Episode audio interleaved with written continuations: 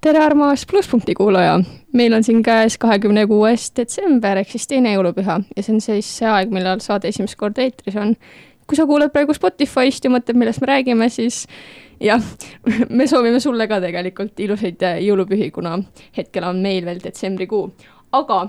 meil on täna siin saates külaline, kelle nimi on Elisa Lembinen. ja minuga on siin ikkagi meie armas kaassaatejuht väga armas kaasajuht, saatejuht olen mina, Johannes Ots ja täna meie räägime sellisest huvitavast teemast nagu uus aasta, uued võimalused ja sinna lõppu paneme ikka küsimärgi ja hüüumärgi, et mis see siis tähendab täpsemalt. aga Liisa, kui me natuke sinust räägime, siis tutvusta ennast kuulajatele. ma arvan, et sa oled käinud isegi vist Plusspunkti saates varem, aga võib-olla mõni ei mäleta või ei tea sind. plusspunktis ma ei ole käinud, aga ma olin kevadel Pusle saates aga minust siis nii palju, et äh, tulen Tartu Saalemi baptisti kogudusest ja tegelen seal äh, peamiselt lastetööga.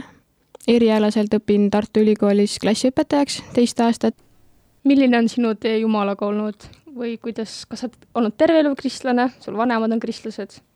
ma võin öelda küll jah, et et äh, mu vanemad on kristlased, aga isiklikult ma võtsin Jeesuse vastu ja sain päästetud, kui ma olin üheksa-aastane. et siis sellest alat-, ajast alates ma loen ennast päriselt kristlaseks ja, ja olen käinud koos Jumalaga, siis on olnud selliseid, noh, ikka raskemaid aegu, kergemaid aegu, aga Jumal on kandnud ja, ja nüüd olen siin. ehk siis nüüd on võimalik öelda ka, et on olnud erinevaid võimalusi Jumala äh, teede avastamiseks ka sinu elus, kuna see on meie saate teema ka. aga kui selline sellesse, sellesse teemasse sisse minna, siis äh,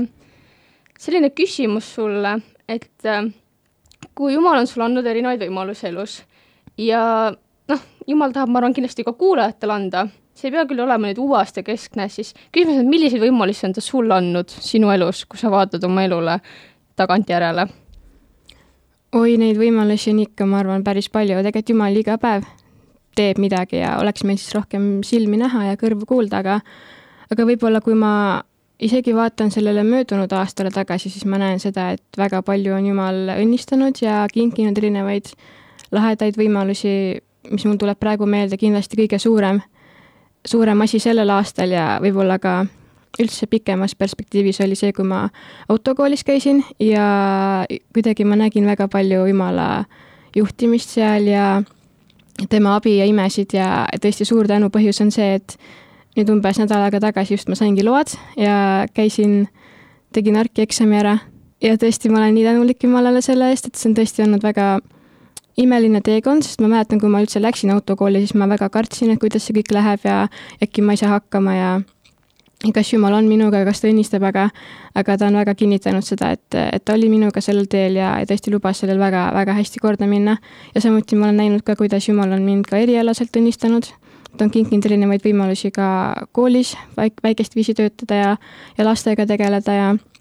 ja koguduses oleme saanud ka lastelaagrit korraldada nüüd viimased kaks suve juba, et need on ka olnud väga erilised, erilised ajad ja, ja head võimalused. et tegelikult Jumal teeb väga palju kui me ise ka oleme avatud meelega ja palume talt ka siis neid võimalusi. ehk siis sina näed, et Jumal kasutab sind lastetöös ja see on väga tore. Äh, aga kui minna natukene kuulajate poole peale, siis milliseid võimalusi võib Jumal neile anda või mida nad peaksid tegema, et Jumal annaks neile võimalusi? või nad näeksid, et Jumal teeb nende elus tööd? ma arvan, esimene asi kindlasti on ikkagi palvetamine ja just ka ollagi Jumala ees sellise avatud ja otsiva meelega ja paluda, et Jumal siis juhiks ja annaks neid võimalusi, mida tema tahab anda ja et tema tahe võiks siis teostada meie eludes, aga et ta annaks ka siis tarkust, et mida kasutada, mida mitte, sest et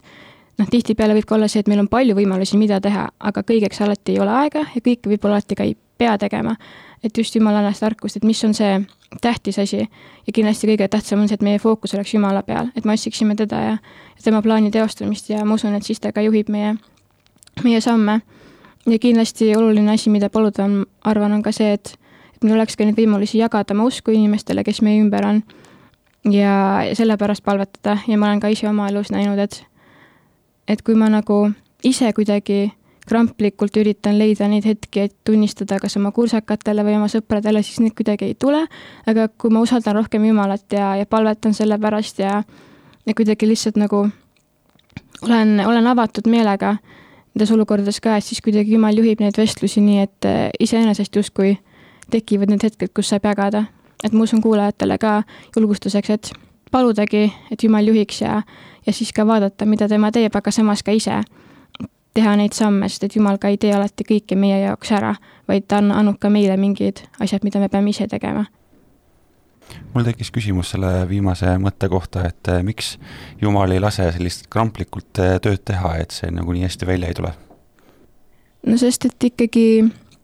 kui me hakkame ka nagu omast jõust punnitama, siis kuidagi see ei õnnestu või noh, et Jumal tahab, et me otsiksime teda ja kuidagi tema, temaga koos käiksime, mitte see, et me nüüd ise, ise kuidagi nagu punnitame. sest et siis seal võib-olla ka ei ole sellist Jumala juhtimist ja, ja nagu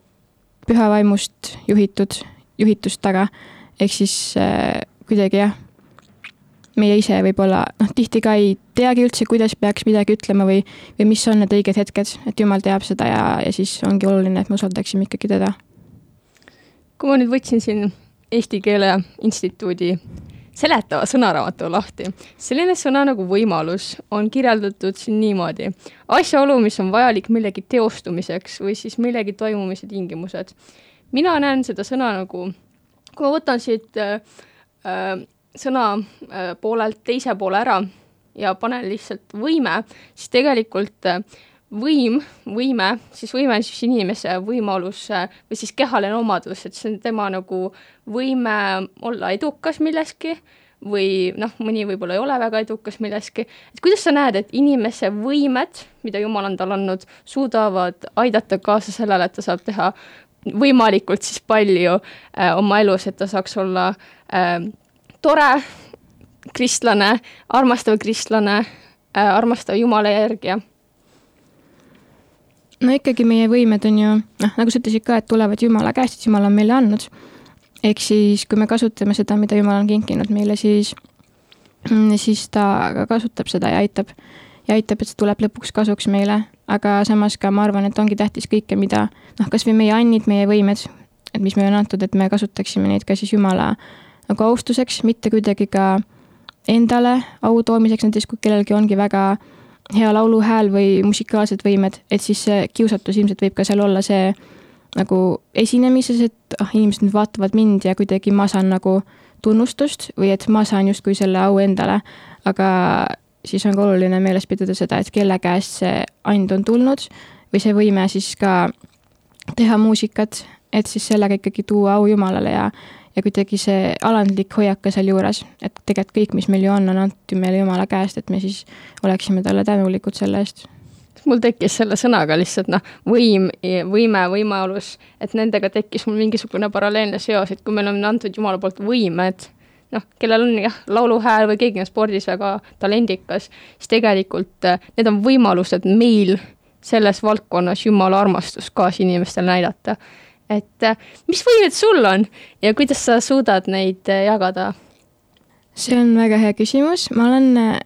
mõelnud selle peale, ma ei ole võib-olla lõpuni aru saanud, mis annid need täpselt on, sest noh, musikaalselt ma ei tunne, et ma oleksin väga tugev,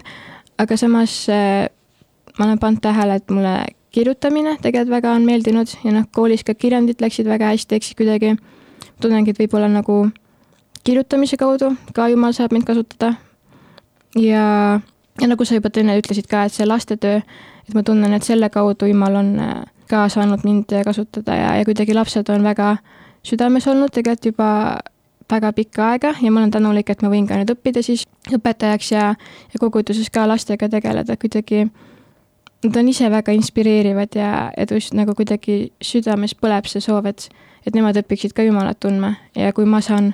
anda oma panuse või, või Jumal saab mind kasutada selle läbi, et ka neile evangeeliumi jagada, siis ma olen väga tänulik. me oleme rääkinud andidest, me oleme rääkinud võimetest. Ehm, mis on nagu nende vahe ja, ja mida me mõtleme üldse selle võimete all, kui me räägime sellest? no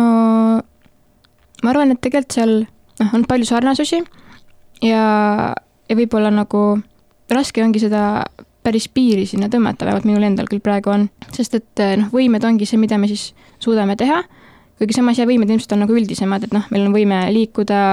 kasutada oma käsi-jalgu, me näeme, kuuleme, aga samas annid on eh, on võib-olla nagu midagi noh, rohkemat või erilisemat, a la ongi mingi noh, musikaalsuse and, spordis on and, loov, noh, kunstis inimesel on annid, et siis võib-olla jah, võimed on nagu üldisemad tooks siia ikkagi selle äh, äh, lisaks sellise tähelepaneku, et võib-olla kui me räägime siin võimetest, mõni võib-olla mõtleb, et oo, et ta on superkangelane, et ta on nähtamatu või ülikiire või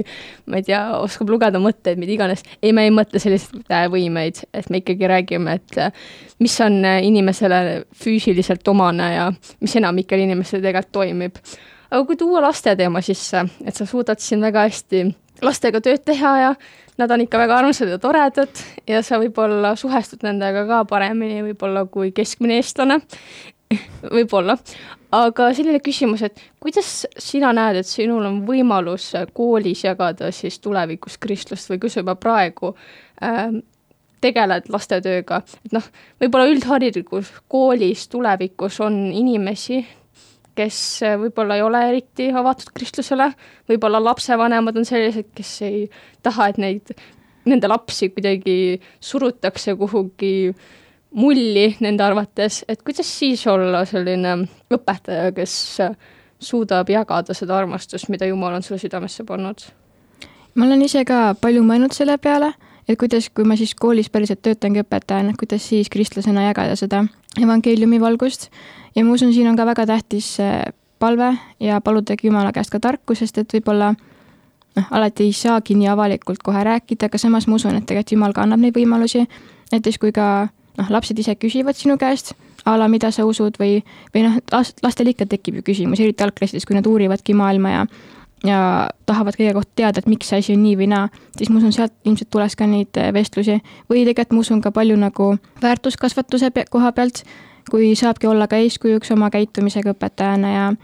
aga mingite reeglite kehtestamisega ja kuidagi lapsi ka suunatagi ikkagi sellel õigel teel, et mis on õige teha, mis ei ole õige teha, et tegelikult õpetajana sul on väga suur mõju laste üle ja,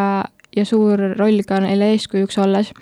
Ehk siis ma usun tegelikult neid võimalusi kindlasti tuleb ja jumal, ma usun, kasutab ka, pluss tegelikult ma ise väga tahaksin ka töötada mõnes kristlikus koolis, sest tegelikult seal ongi noh, ikkagi see keskkond loodud, kus see ongi kristlik, ehk siis sa saadki avalikult jagada ja ja ma olen kuulnud ka, et tegelikult palju üldse lapsi, kes seal käivad, tegelikult ei ole kristlikest peredest. ehk siis ma usun, see on ka väga mm, hea põld, kus külvata ja, ja kus saabki otseselt ka evangeeliumi kuulutada. ehk siis ma usun jah, neid võimalusi kindlasti on, ise tuleb ainult olla ka nagu avatud ja, ja siis aldis neid kasutama ja mitte siis ka kuidagi karta, et aga mis siis need lapsevanemad arvavad või, sest noh, lõpuks meil ikkagi on, meil on sõnavabadus, meil on usuvabadus, ehk siis minul õpetajana on ka õigus olla, olla kristlane ja seda ka siis vastavas olukorras väljendada või jääda ka truuks siis oma veendumustele ja, ja kui lapsed ka ise tunnevad huvi, siis muidugi mul on ka õigus neile jagada aga nüüd on aeg mul teile vahele segada ja öelda, et saame nüüd kuulata ühte väga head muusikapala, mille sina, Elisa, oled meile välja mõelnud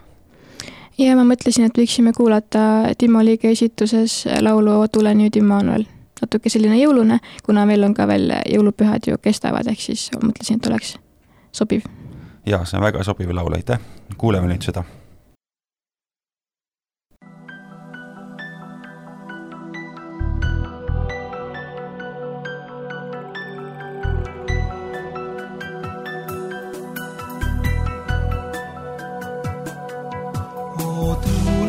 nüüd Immanuel, too vangist välja Iisrael, kes ikkes võra võis.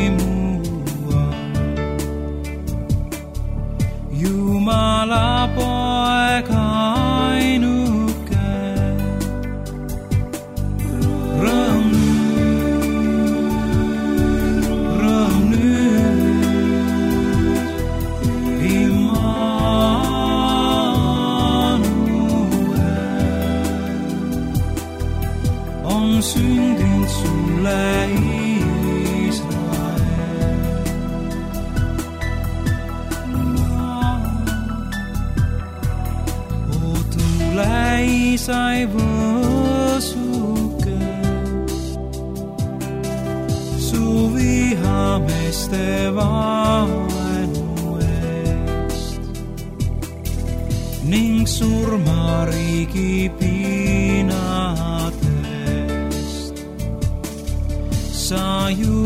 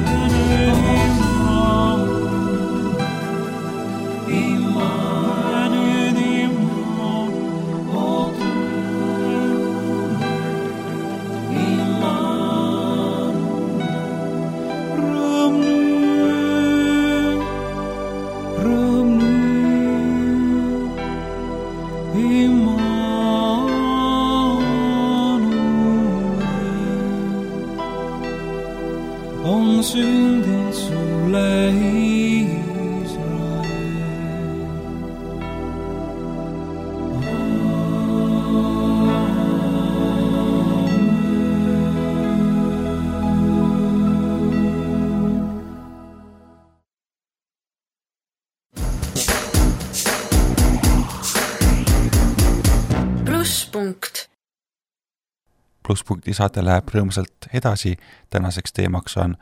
uus aasta, uued võimalused, saatejuhid on Johannes Ots ja Regina Virma ning saatekülaline on Elisa Lembinen. ja nüüd lähme edasi sellesama teemaga, aga nüüd lähme veidi spetsiifilisemaks, et äh, milline on võimalus kristlastena uuele aastale vastuminemiseks? ma arvan, enne uuele aastale vastu minemist on oluline võtta ka aega ja mõelda tagasi möödunud aastale ja väga oluline, ma usun, on ka tänulikkus selle eest, mida Jumal on teinud sellel möödunud aastal. ja tegelikult ju iga uus aasta, iga uus päev on kingitus Jumala käest, et ükski päev ei ole meie endi teha või meie endi käes, et kui Jumal lubab, siis, siis need sünnivad. ja uuele aastale vastu minnes ka kristlasena kindlasti oluline palvetava meelsusega minna ja palvetadagi, et mis on siis Jumala plaan või Jumala tahe sellel uuel aastal minu jaoks ja, ja kuhu ta tahab mind juhtida. ja selline jätkuküsimus sellele küsimusele on see üldse, et miks see meil on vaja uusi aastaid ja miks on vaja uusi võimalusi ja kas üldse on vaja neid või noh, ma võin lihtsalt ju tiksuda ka selles mõttes ja lihtsalt olla, vaadata seriaale, vaadata filme, mõelda, et noh, et see aasta oli nagu ta oli, võib-olla järgmine läheb paremini, võib-olla mõnel on selline mõte. noh, võimalustega samamoodi, et noh, ma ei tea, sellel aastal natuke tuli võimalusi, vahepeal läks metsa, aga noh, selline umbes äh, mentaliteet, et kuidas siis nagu suhestuda sellega kristlasena ma arvan, et see on natukene kurb, kui inimene elabki sellise, sellise mõtteviisiga. ja ma usun, kindlasti on vaja neid uusi võimalusi ja uusi aastaid, sest et kui kõik lähekski kogu aeg ainult nii, et meil on see üks võimalus, rohkem neid ei tule, siis äh, väga raskeks läheks, ma usun, et me kõik ilmselt võime ka mingil määral samastuda sellega, et näiteks mul endal on palju neid olukordi, kus mul on võimalus kellelegi tunnistada, aga ma kas ei julge või kuidagi ei tea, kas nüüd peaks või ei peaks või ja siis ma kuidagi jätan need võimalused kasutamata ja siis pärast on nii paha tunne, et miks ma nüüd ei julgenud jälle jagada, et mis noh, et see oli ju nii hea hetk seda teha. Aga õnneks Jumal on olnud armuline ja kinkinud ka neid uusi võimalusi, kus on tulnud jälle see või noh, hetk, et saab ikkagi jagada ja tunnistada, mul on oma kuulsakatega olnud ka neid hetki, kus äh, alguses ma ei ole jaganud, aga siis kuidagi ikkagi Jumal on juhtinud sinna ja andnud selle teise võimaluse, ehk siis ma usun, et see on väga tähtis, et Jumal annab neid uusi võimalusi ja tõesti tema arm on olnud väga suur meie vastu ja ja samamoodi ka need uued aastad, et tegelikult on ju ka uued võimalused oma suhet Jumalaga jälle korraldada ja teda otsida ja meelt parandada, sest et armuaeg veel kestab, tänu Jumalale selle eest, aga samas me kunagi ei tea, kui kaua see kestab. noh, kristlastena ka me vajame iga päev Jumala armu ja neid uusi võimalusi. ja Johannese evangeeliumis mm, esimeses peatükis, salmis kuusteist, öeldakse ju ka meile, jah, me kõik oleme võtnud tema täiusest ja armu armu peale. kui sa juba rääkisid siin sellest, et Jumal annab meile võimalusi, küsiks sellise täpsustava küsimuse, et milliseid võimalusi Jumal annab kristlastele igapäevaselt? et meil on aastas noh, kolmsada kuuskümmend viis päeva, mõni aasta siis noh, üle nelja aasta on siis kolmsada kuuskümmend kuus, et neid on päris palju päevi, et kuidas sellest maksimum võtta või noh, et ma lihtsalt ei tiksu niisama kuskil ja lihtsalt ei oota, et ma nüüd vanemaks saan, et siis läheb elu paremaks. noh, keegi ei luba meil, et elu läheb paremaks, pigem kui me lihtsalt kuidagi umbes lahmime, et siis vist läheb elu ikkagi halvemaks mm. -hmm. meil on iga päev, meil on ju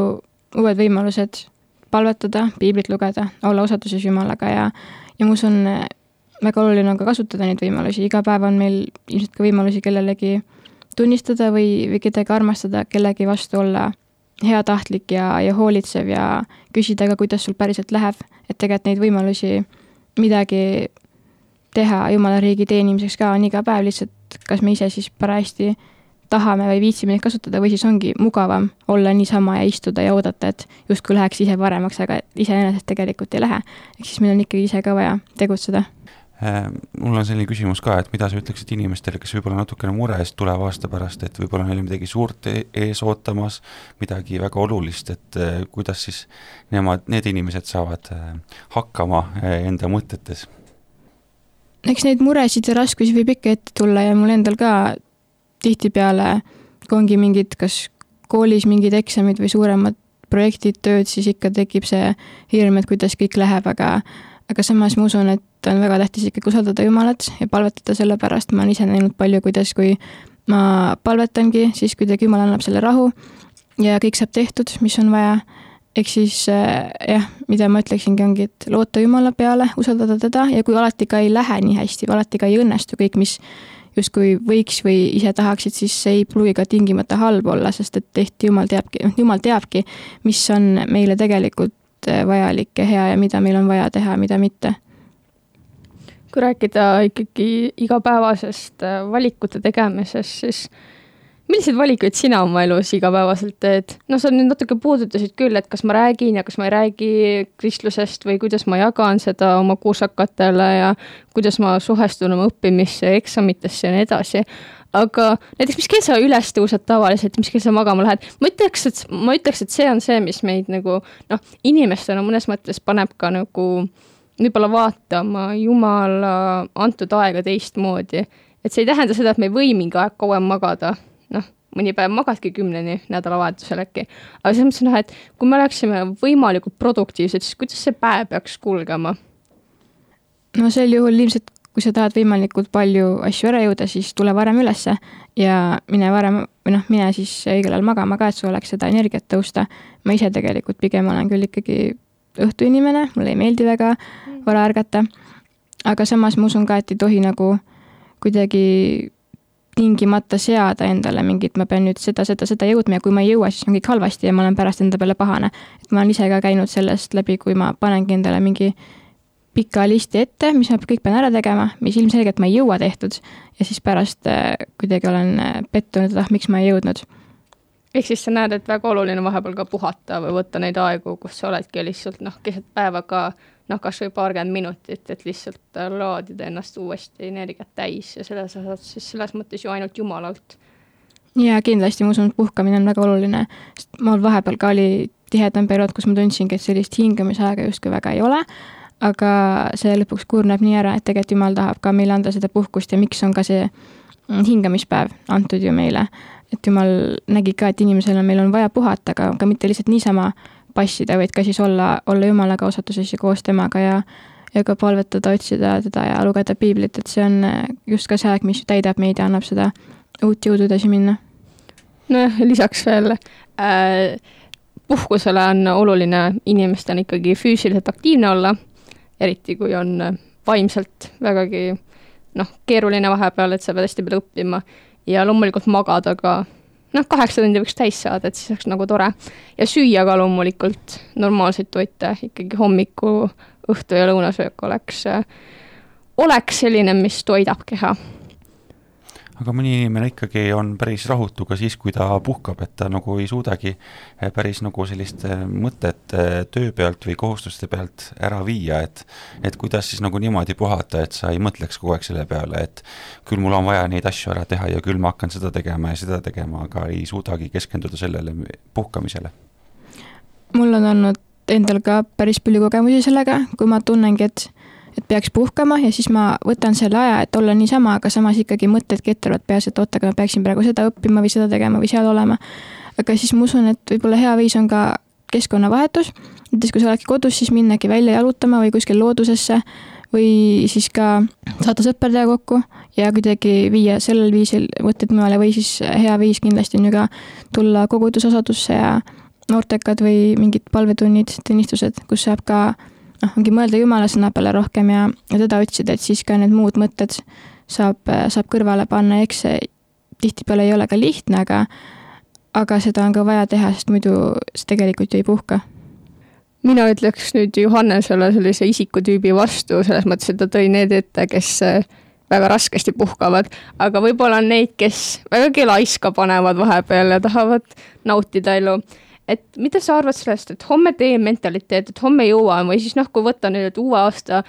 lubadustena, hiljem räägime lubadustest ka, see on äh, järgmine küsimus pärast seda, aga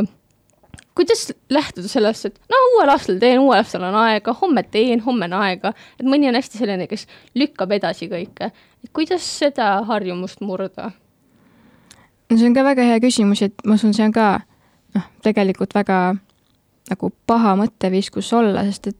siis see homme muudkui, noh, homme on alati homme. homme ei ole tegelikult kunagi ju käes. ehk siis sel viisil ei pruugigi sa lõpuks üldse mitte midagi teha. aga samas jah, mõnikord on lihtne nagu venitada. ma ise tunnen ka, et noh, täna ei viitsi ja paneks ikka nagu, lükkaks edasi veel. aga ma usun, siin on ka see enesedistsipliini koht, et vahepeal ongi lihtsalt vaja mingid asjad kätte võtta ja ära teha. mul on koolitöödega ka tihti olnud niisugused, isegi kui mulle alati võib-olla kõik ei meeldi nii väga, siis kuidagi lõpuks ikkagi ma istun maha, ma palvetan, et jumal, aita mul see tehtud saada ja siis äh, kuidagi ma teen selle ära ikkagi. ehk siis äh, ma usun jah, et see on äh, tähtis, et, et ka oleks seda enesekontrolli ja enesedistsipliini, et lihtsalt ei, ei laiskleks või ei paneks siis laiska, nagu sa ütlesid ja kuna ma rääkisin juba noh, nendest lubadustest, et homme teen ja nii edasi, et kui lähtud uuest aastast, siis enamik inimesi keda mina tean, teevad uue aasta lubadusi. kas me peaksime tegema kristlastena uue aasta lubadusi või kuidas suhtuda sellesse, et ma nüüd luban, et ma järgmine aasta, ma ei tea, söön vähem krõpsu või vaatan vähem seriaale või lähen teen viiekilomeetriseid jooksuringe iga laupäev või mida iganes, et kuidas sellesse suhtuda? ma ise ei mäleta, et ma oleksin väga palju teinud võib-olla kunagi, kui ma olin väike, siis läksin ka nii-öelda selle trendiga kaasa, et midagi peab ju lubama, et uus aasta tuleb. aga samas ma kristlasena kuidagi väga tegelikult ei toeta seda või noh, et ma, see on hea, kui sa päriselt ka siis teed seda, mida sa lubasid, kui sa lubadki, et ma ei tea, ma hakkan tervislikumaks, ma ei söögi neid krõpse enam ja sa päriselt ka täidad seda. või ma ei tea, ma hakkan trenni tegema ja ma teengi seda, siis see on hea, aga tihti reaalsus ongi ju see, et see paari kuuga lihtsalt vajub ära, et enam ei viitsita ja siis minnakse tagasi selle vana rütmi juurde. ehk siis ma usun, sellisel lubamisel ei ole mõtet. ja tegelikult noh, piiblis on ju ka neid kirjakohti, noh, seal küll Jumalale tõotuste andmise kohta aga ikkagi, näiteks kogu ja viis neli. parem on, et sa ei tõota, kui et sa tõotad ega täida. ja Jeesus ise ütleb ka mäejutluses ju seda, et teie jah olgu jah ja ei olgu ei. aga kui lubada lihtsalt nagu noh, mõtlemata ka siis täpselt läbi seda, siis see muudab tegelikult ka meie sõnad ju tühiseks ja tühjaks. Ehk siis kas on vaja lihtsalt tühja sõnu teha, et seda ma arvan, et ei ole vaja, aga kui sa päriselt mõtledki seda tõsiselt ja ka jääd selle juurde, siis väga tore, aga samas, samas Jumal ka otseselt ei käse meil mingeid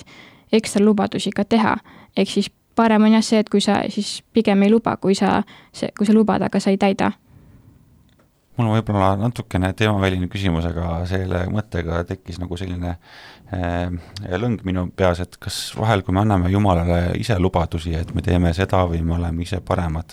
et kas me siis nagu nii-öelda valetame talle oma nagu mõtetes või südames, kui me selliseid lubadusi anname ja neid ei täida või, või kuidas nagu sellesse suhtuda? no ma usun, seal on ikkagi see vastutus kindlasti väga suur, et kui me Jumalale midagi tõotame ja siis pärast noh, juhtub, et me ikkagi ei täida seda, eks siis jah, pigem noh, esimene asi soovitaksingi see, et, et ära, ära luba, nagu kui sa ei ole päris kindel, et sa suudad seda täita ja jumal ei kutsu ka meid otseselt mingeid erilisi lubadusi ka tegema. aga samas, kui see on ka juhtunud ja oledki nii-öelda murdnud seda lubadust, siis kindlasti väga oluline ongi paluda andeks Jumala käest ja, ja siis ka noh, parandadagi meelt, et Jumal on ka armuline õnneks meie vastu ja annab andeks, kui me ka siiralt kahetseme. aga võib-olla esimene asi jah, et, et niimoodi nagu mõtlematult ei ole vaja lubada, pluss üldse tegelikult, kas me ise suudame, noh, lubame, et me loeme rohkem piiblit või lubame, et me saame nii-öelda paremaks, aga kas me ise suudame paremaks saada? et ega tegelikult omast jõust me ennast ka ei muuda niimoodi, ehk siis kas seda on ka vaja lubada? mõni võib teha uueks aastaks sellise lubaduse näiteks, et uus aasta, uus mina. noh, väga paljud, ma arvan, et äh, ka võib-olla kristlaste seas võib-olla. kuidas suhtuda sellisesse mõttemaailmasse kristlikust vaatepunktist? No esimese asjana, mis mul tuleb selle, sellega pähe, ongi see, et kristlasena me tegelikult juba oleme ju uusloodu. näiteks teise Korintuse viis seitseteist ütleb, niisiis kui keegi on Kristuses, siis ta on uusloodu. vana on möödunud, vaata, uus on sündinud. ehk siis meie identiteet ongi juba ju Kristuses. olla Jumala laps, olla Jeesuse järgija. ehk siis see uus aasta, uus mina, see mulle pigem kõlab rohkem sellena, et inimene ise justkui proovib ennast pidevalt muuta, et leida endaga siis mingit rahulolu või ka siis ümbritseva maailmaga, aga proovib teha seda ilma Jumalata. aga ilma Jumalata me tegelikult ju ei, ei saavuta seda rahulolu ega, ega tõelist rahu ja ainult Jumal võib ju meid täielikult uuendada ja uueks luua ja anda meile puhta südame, mis siis toimubki ju selles, kui inimene uuesti sünnib. ja ma arvan ka seda, et tegelikult kristlasena me ka ei pea ju ootama seda nii-öelda uut aastat, et justkui siis midagi muuta või, või äh, teha siis äh, mingeid korrektuure oma elus, kui me saame aru, et midagi on valesti. me ei pea ootama, et uuel aastal hakkan oma suhet Jumalaga parandama või hakkan rohkem piiblit lugema või palvetama. et kui, kui sul on selline mõte peas, siis ilmselt midagi on juba natuke valesti. sest tegelikult iga päev ju on, on need võimalused, iga päev tegelikult ju kristlasena meil on me loeme piiblit ja palvetame ja, ja oleme osaduses Jumalaga ja teiste kristlastega. et selleks ei pea ootama ekstra mingit erilist siis aega või siis ka uut, uut aastat. no siit äh, saab edasi küsida sellise võib-olla veel huvitavama küsimuse, et kas uus aasta võib alata ka sünnipäevaga, sest inimesel on käes ju uus eluaasta ja selles mõttes noh, väga paljud äh, ei ole sündinud täpselt kolmkümmend üks detsember või esimene jaanuar, et äh, noh, on veel aastas kolmsada kuuskümmend kolm päeva, kus saab sündida. Mõni on, mina näiteks olen ka suvel sündinud, et noh, et kuidas ma peaksin siis äh, oma mõttemaailma panema või kas ma peaks üleüldse panema, et äh, noh, et sünnipäeval ma kuidagi muudan enda mõttemaailma või hakkan paremaks või saan teada, et nüüd ma olen vanem ja järelikult nüüd mul on rohkem kohustusi, aga rohkem ka õigusi või mida iganes ma nüüd siin kokku siin äh, võin mõelda, sest et äh, ma olen ju ikkagi inimene ja mul on ikkagi omad õigused ja kohustused, et kuidas sellesse suhtuda või? ja ma arvan, et kindlasti uus aasta võib ka sünnipäevaga alata, noh, sa tõid välja, et sul on suvel sünnipäevaga minu enda jaoks tegelikult uus aasta pigem al-, algabki rohkem sünnipäevaga, kuna ma ise olen sündinud üsna jaanuari alguses, siis see nagu kalendri uus aasta ja nii-öelda minu uus eluaasta on üsna lähestikku, ehk siis need justkui minu jaoks ka langevad kokku. ja samas ma usun jaa, et, et tegelikult nagu me võime oma elu ka vaadata oma sünnipäevade järgi, ilmselt me teemegi seda. ja, ja noh, kui keegi on õpilane, siis ilmselt ta ka võib-olla loeb oma aastaid ka kooliaastate järgi, et tegelikult see uus aasta ei pea olema tingimata see kalendriaasta, vaid, vaid äh, uus aasta võib ka olla siis inimese elus ka tema uus eluaasta või, või uus kooliaasta või midagi sellist. Mul tekkis siinkohal selline huvitav mõte, et äh, kirikuaasta algab ju advendiajaga ja siis advendiajal oodatakse hästi palju seda, et et sa nagu oma suhte Jumalaga hoiaksid korras või teeksid korda selleks, et sa saaksid Jeesust nagu vastu võtta. et siis järelikult nagu oodatakse ka seda, et tegelikult sa juba teeksid advendi ajal, ehk siis sellel ootusajal, kui veel Jeesus ei ole tulnud, teeksid oma suhte korda Jumalaga. plusspunkt aga võtame järgmise küsimuse. mida võtta vastu uuelt aastalt, millise meelega olla? No ma olen seda juba palju öelnud, aga ütlen veel, et kindlasti ikkagi olla palvetava meelsusega, otsida Jumala tahet ja ja ma usun ka, et väga tähtis on see, et ei tohi siis ka heituda, kui uuel aastal võib-olla ei lähegi kõik nii, nagu ootad või loodad või kui tulebki ette mingeid raskusi. Jeesus ise tegelikult ju ka ei lubanud meile lihtsat elu, kui me teda järgime, aga samas ta lubas seda, et on alati meie juures maailma ajast otsani. See tähendab seda, et ka siis, kui on raskusi, ta on ka siis meie kõrval. ja mind on väga julgustanud see mõte, et Jumal ei hoia alati raskuste eest, aga ta hoiab raskuste sees. ehk siis uuele aastale vastu minnes ka ongi oluline tänulikkus selle eest, mida Jumal on juba siiamaani teinud ja mida ta ilmselt ka tulevikus teeb. ja, ja ka selline alandlik hoiak, et lõpuks kõik, mis tuleb, see on eh, Jumala, et Jumal lubab sellel sündida, et miski ei sünni tema teadmata. Ja, ja kindlasti siis ka selline nagu, ma usun, et ootusärevus, mis, eh, mida Jumalal on nüüd sellel uuel aastal ka minu jaoks plaanis ja varuks ja, ja siis ka otsidagi seda siis ka palves ja, ja ka tema sõna uurides ja, ja käies koos temaga kasvades kuidas ma saaksin elada nii või noh, kuidas kuulaja saaks elada niimoodi, et tema uus aasta oleks täis uusi võimalusi?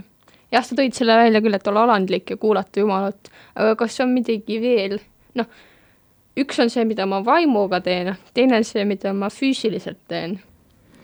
ma arvan, võimaluste puhul oluline on ka kindlasti just see aspekt, et, et noh, näiteks kui ma palun Jumala käest uusi võimalusi, aga samas ma ise kodust välja ei lähe ega kuskil ei käi ega midagi ei tee, siis ilmselt neid võimalusi ka ei tule. ehk siis väga tähtis on ka see, et me siis ise ka inimestena ikkagi tegutseksime ja, ja ka käiksime siis ringi ja otsiksime neid võimalusi ja siis paluksime ka tarkust, et mis siis on need, mida, mida kasutada, mida mitte kasutada. no sellega haakub ka selline küsimus, et kuidas ma muudaksin oma meelt ja veendumisi uueks aastaks või kuidas seda saab teha, et noh, võib-olla mõni läheb hästi kurjalt või kurvalt vastu uuele aastale, mõni arvab, et järgmine aasta tuleb veel hullem niikuinii või noh, ma ei tea, et äh, osadel on võib-olla selline pessimistlik mõttemaailm, et noh, maailm on nii kõihukas ja sõjad on ja näljahädad ja üleujutused, mida iganes, et selles mõttes kuidas me saaksime muuta kristlastena oma seda meelt, et äh, uuel aastal Jumalal ikkagi on ka meile tõotusi ja ta viib täide neid. No ma arvan, et äh, tähtis ongi siin jällegi ka meenutada seda head, mida Jumal on teinud juba meie elus, et kui teinekord tulebki neid kurvemaid mõtteid või, või selliseid hetki, kus tundubki, et kõik ongi ainult niisugustes süngetes toonides, siis tuletada meelde seda, mida Jumal on meie heaks teinud ja tuletada meelde ka, mida Kristus on teinud meie eest. et tegelikult ju see on nii suur asi, see on nii noh, kõige suurem kingitus meile, et Jeesus suri meie pattude eest ja tõusis üles ja kandis meie karistuse, et meil on igavene elu. Ja kuidagi mõelda nendele positiivsetele asjadele, mida Jumal on andnud ka meile igale ühele, meil on ja ma usun, kõigil on ikkagi pere ja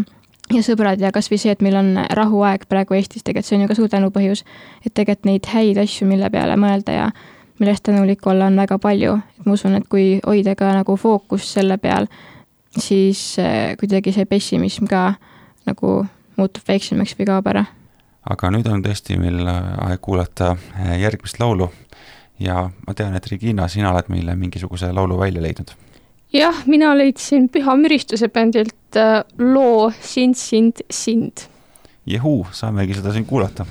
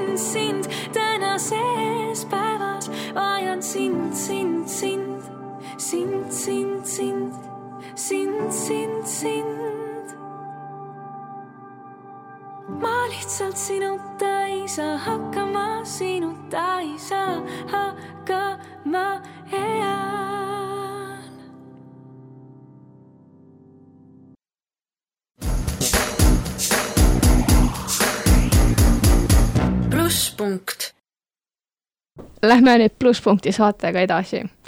selline tore küsimus sulle nüüd, Elisa, et kuidas elada uuel aastal iga päeva teadmisega, et iga päev on uus võimalus? Ja kui ma nüüd siis äh, seda küsimust küsin, siis ma mõtlen ka, et mõni päev on toredam, mõni päev on keerulisem, et kuidas ma suudaksin seda kristlasena tajuda, et uus päev ongi, iga uus päev ongi meil iga uus võimalus, et see on viis, kuidas Jumal saab meie, meie kaudu tööd teha, meie sees tööd teha. kristlastena Jumal on andnud meile uue elu, kui me oleme uuesti sündinud, aga noh, see ei tähenda seda, et me ei, ei teeks ikka pattu vahepeal või ei eksiks, et ikka tuleb neid, neid eh, olukordi ette, kus me ei käitu nii, nagu võiks või peaks või, või ise ka saaks aru, et mis on Jumala tahtmine. aga minu puhul, mida ma teen, ongi see, et ikkagi iga õhtu, iga hommik ma palvetan ja õhtuti ka ma siis toon Jumala ette need asjad, mis siis ka kuidagi läksid valesti, mis ma, mis ma tegin pattu, mis ma eksisin ja palun andeks. Ja siis mm, kuidagi tunnengi seda, et Jumal puhastabki taas minu südame ja kui ma hommikul ärkan, siis, siis justkui ma võingi alustada jälle selliselt puhtalt, valgelt lehelt, et mu süda on jälle puhtaks pestud ja, ja et see uus päev ongi ka siis see uus võimalus elada Jumalale meelepäraselt ja, ja mitte siis ka teha neid, neid samu vigu, mis siis ka varem sai tehtud ja selle jaoks on ka vaja Jumala käest abi paluda. aga jah, see on see, mida, mida ma teen ja kuidas ma olen kogenud seda, et et tõesti igal päeval justkui saan alustada jälle, jälle uuesti no aga mis saab nendest, kes ei muudagi oma mõttemaailma, noh, et lihtsalt tiksub, tiksub oma, tikkus selle aasta täis ja tiksub järgmise aasta täis ja kaks tuhat kakskümmend viis ja kuni ma ei tea, terve elu tiksub ja lihtsalt kuidagi umbes, umbes on, sest et tal on mugav, tal on hea, keegi ei sega teda, mõnega on kuri, mõnega on tore äh,, käib koguduses iga pühapäev, seal on ka ju hea olla, saab süüa ja saab suhelda, on ju. no ma ei tea, et võib-olla mõni lihtsalt on selline mugav kristlane, noh, tegelikult öeldakse leige kristlane selle kohta. et mis nendest võib saada? No kui selline olukord on, siis see on äh, tegelikult väga, väga ohtlik ja väga paha, sest seal on ka äralangemine kerge tulema, kui sa ei võta enam Jumalaga suhet tõsiselt ja lihtsalt äh, tiksudki oma päevad täis. aga ma usun, et kui sa oled ka kristlane, siis lõpuks ikkagi püha vaim sinu sees hakkab ka andma märku, et midagi on valesti ja ja, ja hakkab ka nagu midagi su sees kriipima, et tegelikult niimoodi ei peaks oma elu elama. ja ma olen ise ka kogenud seda, et mida rohkem, mida lähemale me tegelikult ka Jumalale liigume, siis seda rohkem püha vaim hakkab ka valgustama meie elus neid kohti, mis vajavad muutust ja mahapanemist ja siis on ka meie nagu valik, kas me siis kuuletume ja kas me siis äh, paneme need asjad maha ja siis nii-öelda muudame oma, oma mõtteviisi või mitte. ja minu elust võib-olla üks näide selle kohta olekski see, et ma väga pikalt, väiksena ma vaatasin igast eh, seriaale, seebikaid, ma olin üsna suur telekasõltlane või noh, olingi väga-väga sõltuvuses, iga päev oli üks äh, seriaal, mida ma kindla kella all vaatasin ja, ja tundsin küll lõpuks, et see ei ole päris õige. Ja kuidagi noh, et püha vaim andis ka mu sees märku, et ma ei peaks seda tegema, aga samas mul oli nii raske maha panna, sest ma olin juba nii kaua ju vaadanud seda, aga siis ka ühel suvel, enne kui ma ristitud sain, siis äh, eriliselt ka kuidagi jumala vaim hakkas muutma mind ja, ja ma palvetasin ka, et, et jumal aitaks siis äh, nagu maha panna selle ja vabaks saada, et ma ei peaks enam kogu aeg vaatama midagi. ja jumal tegi selle ime, et tegelikult ta muutis minu südant nii, et ma ise enam ei tahtnud vaadata. et ma sain ise aru, et seda ei ole vaja, et see ei meeldinud enam mulle ja ma kartsin ka, et äkki, äkki nagu, kui ma nüüd lõpetangi noh, nii-öelda nagu päeva pealt ära, et rohkem ei vaata, et siis kuidagi tekib see väga suur nagu igatus, et ma ikkagi hirmsasti tahaksin vaadata, aga siis jumal tegi selle ime, et mul tegelikult endal ei olnud seda soovi enam. ja nüüd tegelikult praegu ma ei vaata põhimõtteliselt üldse telekat enam, sest et üks asi on see, et väga ei ole aega, isegi kui on aega, siis ma kuidagi tunnen, et ma ei taha, et mul ei ole enam seda vajadust. ehk siis tegelikult püha vaim ka kujundab meid ümber nii, et et lõpuks meile ka meeldiksid need asjad, mis Jumalale meeldivad. ja üks, üks palve, mida üks mu sõbranna kunagi rääkis, mida tema palvetab, on see, mida ma olen ka ise mm, vahepeal palvetanud, et et Jumal muudaks meile vastikuks kõik selle, mis on talle vastik. ja kuidagi see, sealtkaudu ka, ma usun, et püha vaim hakkab, hakkab muutma meid. aga, aga jah, siis ongi väga oluline ka see, et me ise ka siis tahaksime kasvada Jumalale lähemale ja tema sarnasemaks ja kui seda tahet enam ei ole, siis on ka juba väga-väga raske, aga niikaua, kui me igatseme Jumalat, igatseme muutuda tema sarnasemaks, siis ka püha vaim teeb tööd meie eludes ja meie sees ja ja muudab meie südameid ja see on, see on imeline. see on tõesti imeline, aga nüüd selline vahemärkus kuulajatele, et noh, meil igalühel on kindlasti probleeme ja asju, millega me tegeleme igapäevaselt ja me ei ole perfektsed, et see ei ole selleks, et kuidagi maha teha, et kui sul on mingi raskus või sa võitledki, ma ei tea, mingisuguse sõltuvusega, et see ei ole selleks, et aa, sa oled nii halb kristlane, aga jällegi tulla Jumala ette, aga kui puudutada seda teemat, et me ei muuda enda mõttemaailma või me ei tahagi muutuda, sest et meil on kerge olla vigadega, me näeme ka, et need vead kuidagi meid noh, mõnes mõttes need on mugavad, need on toredad mõned patud tegelikult võib-olla isegi noh, me suudame enda mõttemaailmas need kuidagi endale loogiliseks teha. mis saab, kui me ei õpi oma vigadest? no siis me teeme ilmselt neid vigu ühe uuesti ja uuesti. ja, ja see on tegelikult ka, noh, nagu sa tõid enne ka välja selle leige kristluse, et tegelikult mida rohkem, mida kauem sa jääd sinna nii-öelda oma mugavusse kinni või või nendesse pattudesse ka, millest sa enam ei tahagi loobuda, siis seda rohkem see ka süveneb, sest patt on nagu haigus ja see levib ja, ja noh, muutub järjest tõsisemaks. ja kui sa midagi ette ei võta või kui sa jumala käest abi ei palu, et aitaks sind sellest välja, siis siis võibki juhtuda see, et ühel päeval sa enam ei lähe kirikusse või sa enam ei palvetagi või sa enam ei tahagi lugeda piiblit. et tegelikult mm, ma usun, et oluline nagu märgata neid, neid hetki ka, millal nagu hakkab see kaugenemine toimuma, et me saaksime siis Jumala juurde tagasi tulla, et me ei läheks tema juurest ära sa tõid enne välja ka püha vaimu, et püha vaim on sind mõjutanud, et kuidas siis käituda ja mida teha, mida mitte teha. et püha vaim kindlasti annab ka seda südametunnistuse tunnet, et midagi on valesti. aga kuidas meie saame teisi mõjutada või kuidas püha vaim saaks meid juhtida niimoodi, et me täidaksimegi seda, mida Jumal on meile andnud täita? no siin ka jälle esimene asi on kindlasti palvetada, et Jumal siis juhiks meid oma vaimu läbi ja annaks meile siis ka selle tundliku südame, et me paneksime tähele neid kõnetusi sest ma olen ise ka oma elust näinud mõnigi kord seda, et, et jumala vaim annab tegelikult märku näiteks millestki, mida oleks vaja muuta või, või kuhu minna või, või mida parajasti öelda. aga ma kuidagi kas siis mõtlen oma mõtted edasi või lähen nagu oma olukorras edasi, et ma ei, ei pane tähele seda niimoodi ja siis ei kuuletu. aga just see, et, et meil oleks siis seda tundlikku südant ka panna tähele jumala vaimu kõnetusi ja, ja teha selle järgi, sest tihtipeale ka Jumal ei, ei karju kuidagi meie peale või ei, noh, ta võib ka teha väga, väga kuuldavaks ennast, aga tihtipeale Jumala vaim kõnelebki just nagu vaikselt ja, ja nii, et kui sa oled väga hõivatud oma, oma elu tegemistega ja, ja mingisuguse ümbritseva müraga, siis ei, tegelikult ei pruugigi panna tähele seda, mida Jumal tahab sulle, tahab sulle öelda. ma ise just äh, mõtlesin selle peale, et püha vaim on noh, see hääl on tegelikult väga vaikne, et kui Jumal on meile nii ligidal, nagu ta lubab meile, et siis sa tegelikult ju endal lähed oleval inimesega, noh, sa ei räägi temaga karjudes või sa ei kuidagi ei taha tema tähelepanu võita niimoodi, et sa karjud ta peale või sa tõstad oma hääle detsibelle. et noh, see ongi vaikne selline hääl, et noh, me peame õppima seda kuulama. aga kuidas meil on võimalik õppida seda kuulama? no siin on ka oluline lugeda ka Jumala sõna ja, ja ka seda õppida tundma, sest et eh,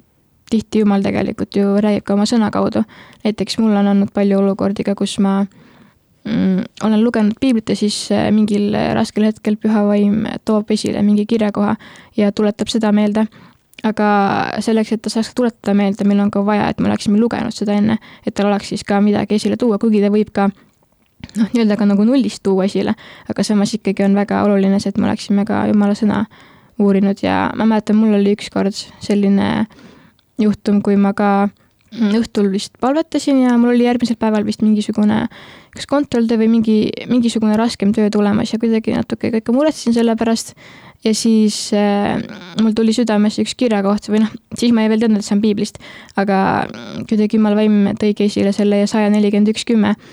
ära karda, sest mina olen sinuga, ära vaata ümber, sest mina olen su Jumal. ma teen su tugevaks, ma aitan sind, ma toetan sind oma õiguse parema käega. ja, ja siis ma pärast hommikul vaatasin, kas see on piiblist ja noh, ma lugesin seda, siis vaatasin, oi, see ongi piiblist, et ma tegelikult ei teadnud seda peast tol hetkel. aga ma olin seda kunagi lugenud ja siis Jumala vaim tõi selle esile just siis, kui mul oli vaja. et see on, see on lahe, kuidas nagu püha vaim erinevatel viisidel kõneleb, kuigi samas alati, kui tulevad, tuleb mingeid mõtteid või, või nii-öelda kõnetusi, siis tuleb need ka läbi katsuda, sest kõik ei ole alati jumalast ja meie enda mõtted ka mm, noh, käivad meil peas ringi ja, ja vaenlane ka võib püüda eksitada, et alati peab ka nagu noh, katsumagi läbi selle, mis ka meile siis öeldakse, et kas see on jumala sõnaga kooskõlas või mitte meie väga huvitav vestlusring on nüüd äh, lõpuni jõudmas, ähm, sellepärast et äh, saade lihtsalt läheb muidu liiga pikaks. aga äh, aitäh sulle siia saatesse tulemast ja kas sul on midagi öelda veel kuulajatele, enne kui me kõik kokku võtame? jaa, ma sooviksin meile kõigile õnnistatud uut aastat, mis peatselt saabub ja, ja tõesti palju, palju häid võimalusi koos Jumalaga iga päev ja kasvamist tema tundmises, tema sõna tundmises ja, ja koos temaga käies. aitäh, hea raadiokuulaja või Spotify kuulaja eh, meid täna kuulamast ja loodame, et saame siis umbes kuu aja pärast siia tagasi tulla ja rääkida teiega hoopis teistel teemadel. aga mina olen saatejuht Johannes Ots ja minuga koos on olnud eetris teine saatejuht. Regina Virmo. ja meie saatekülaline on Elisa Lembinen. ja eh, kuuleme siis peatselt kõike seda, mis tulemas on uuel aastal kuulmiseni!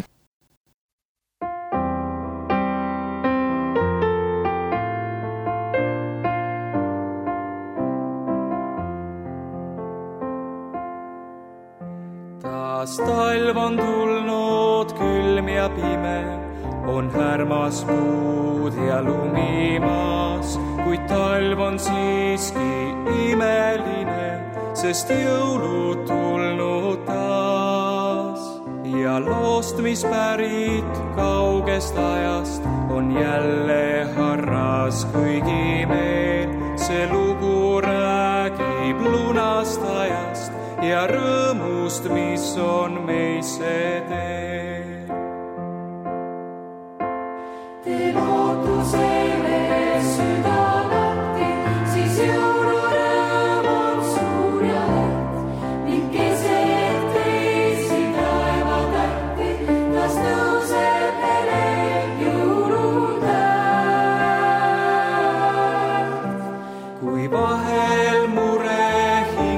hinge rusub, südunne lasub südamel, siis tea on keegi, kes sind usub, kes mõtleb sulle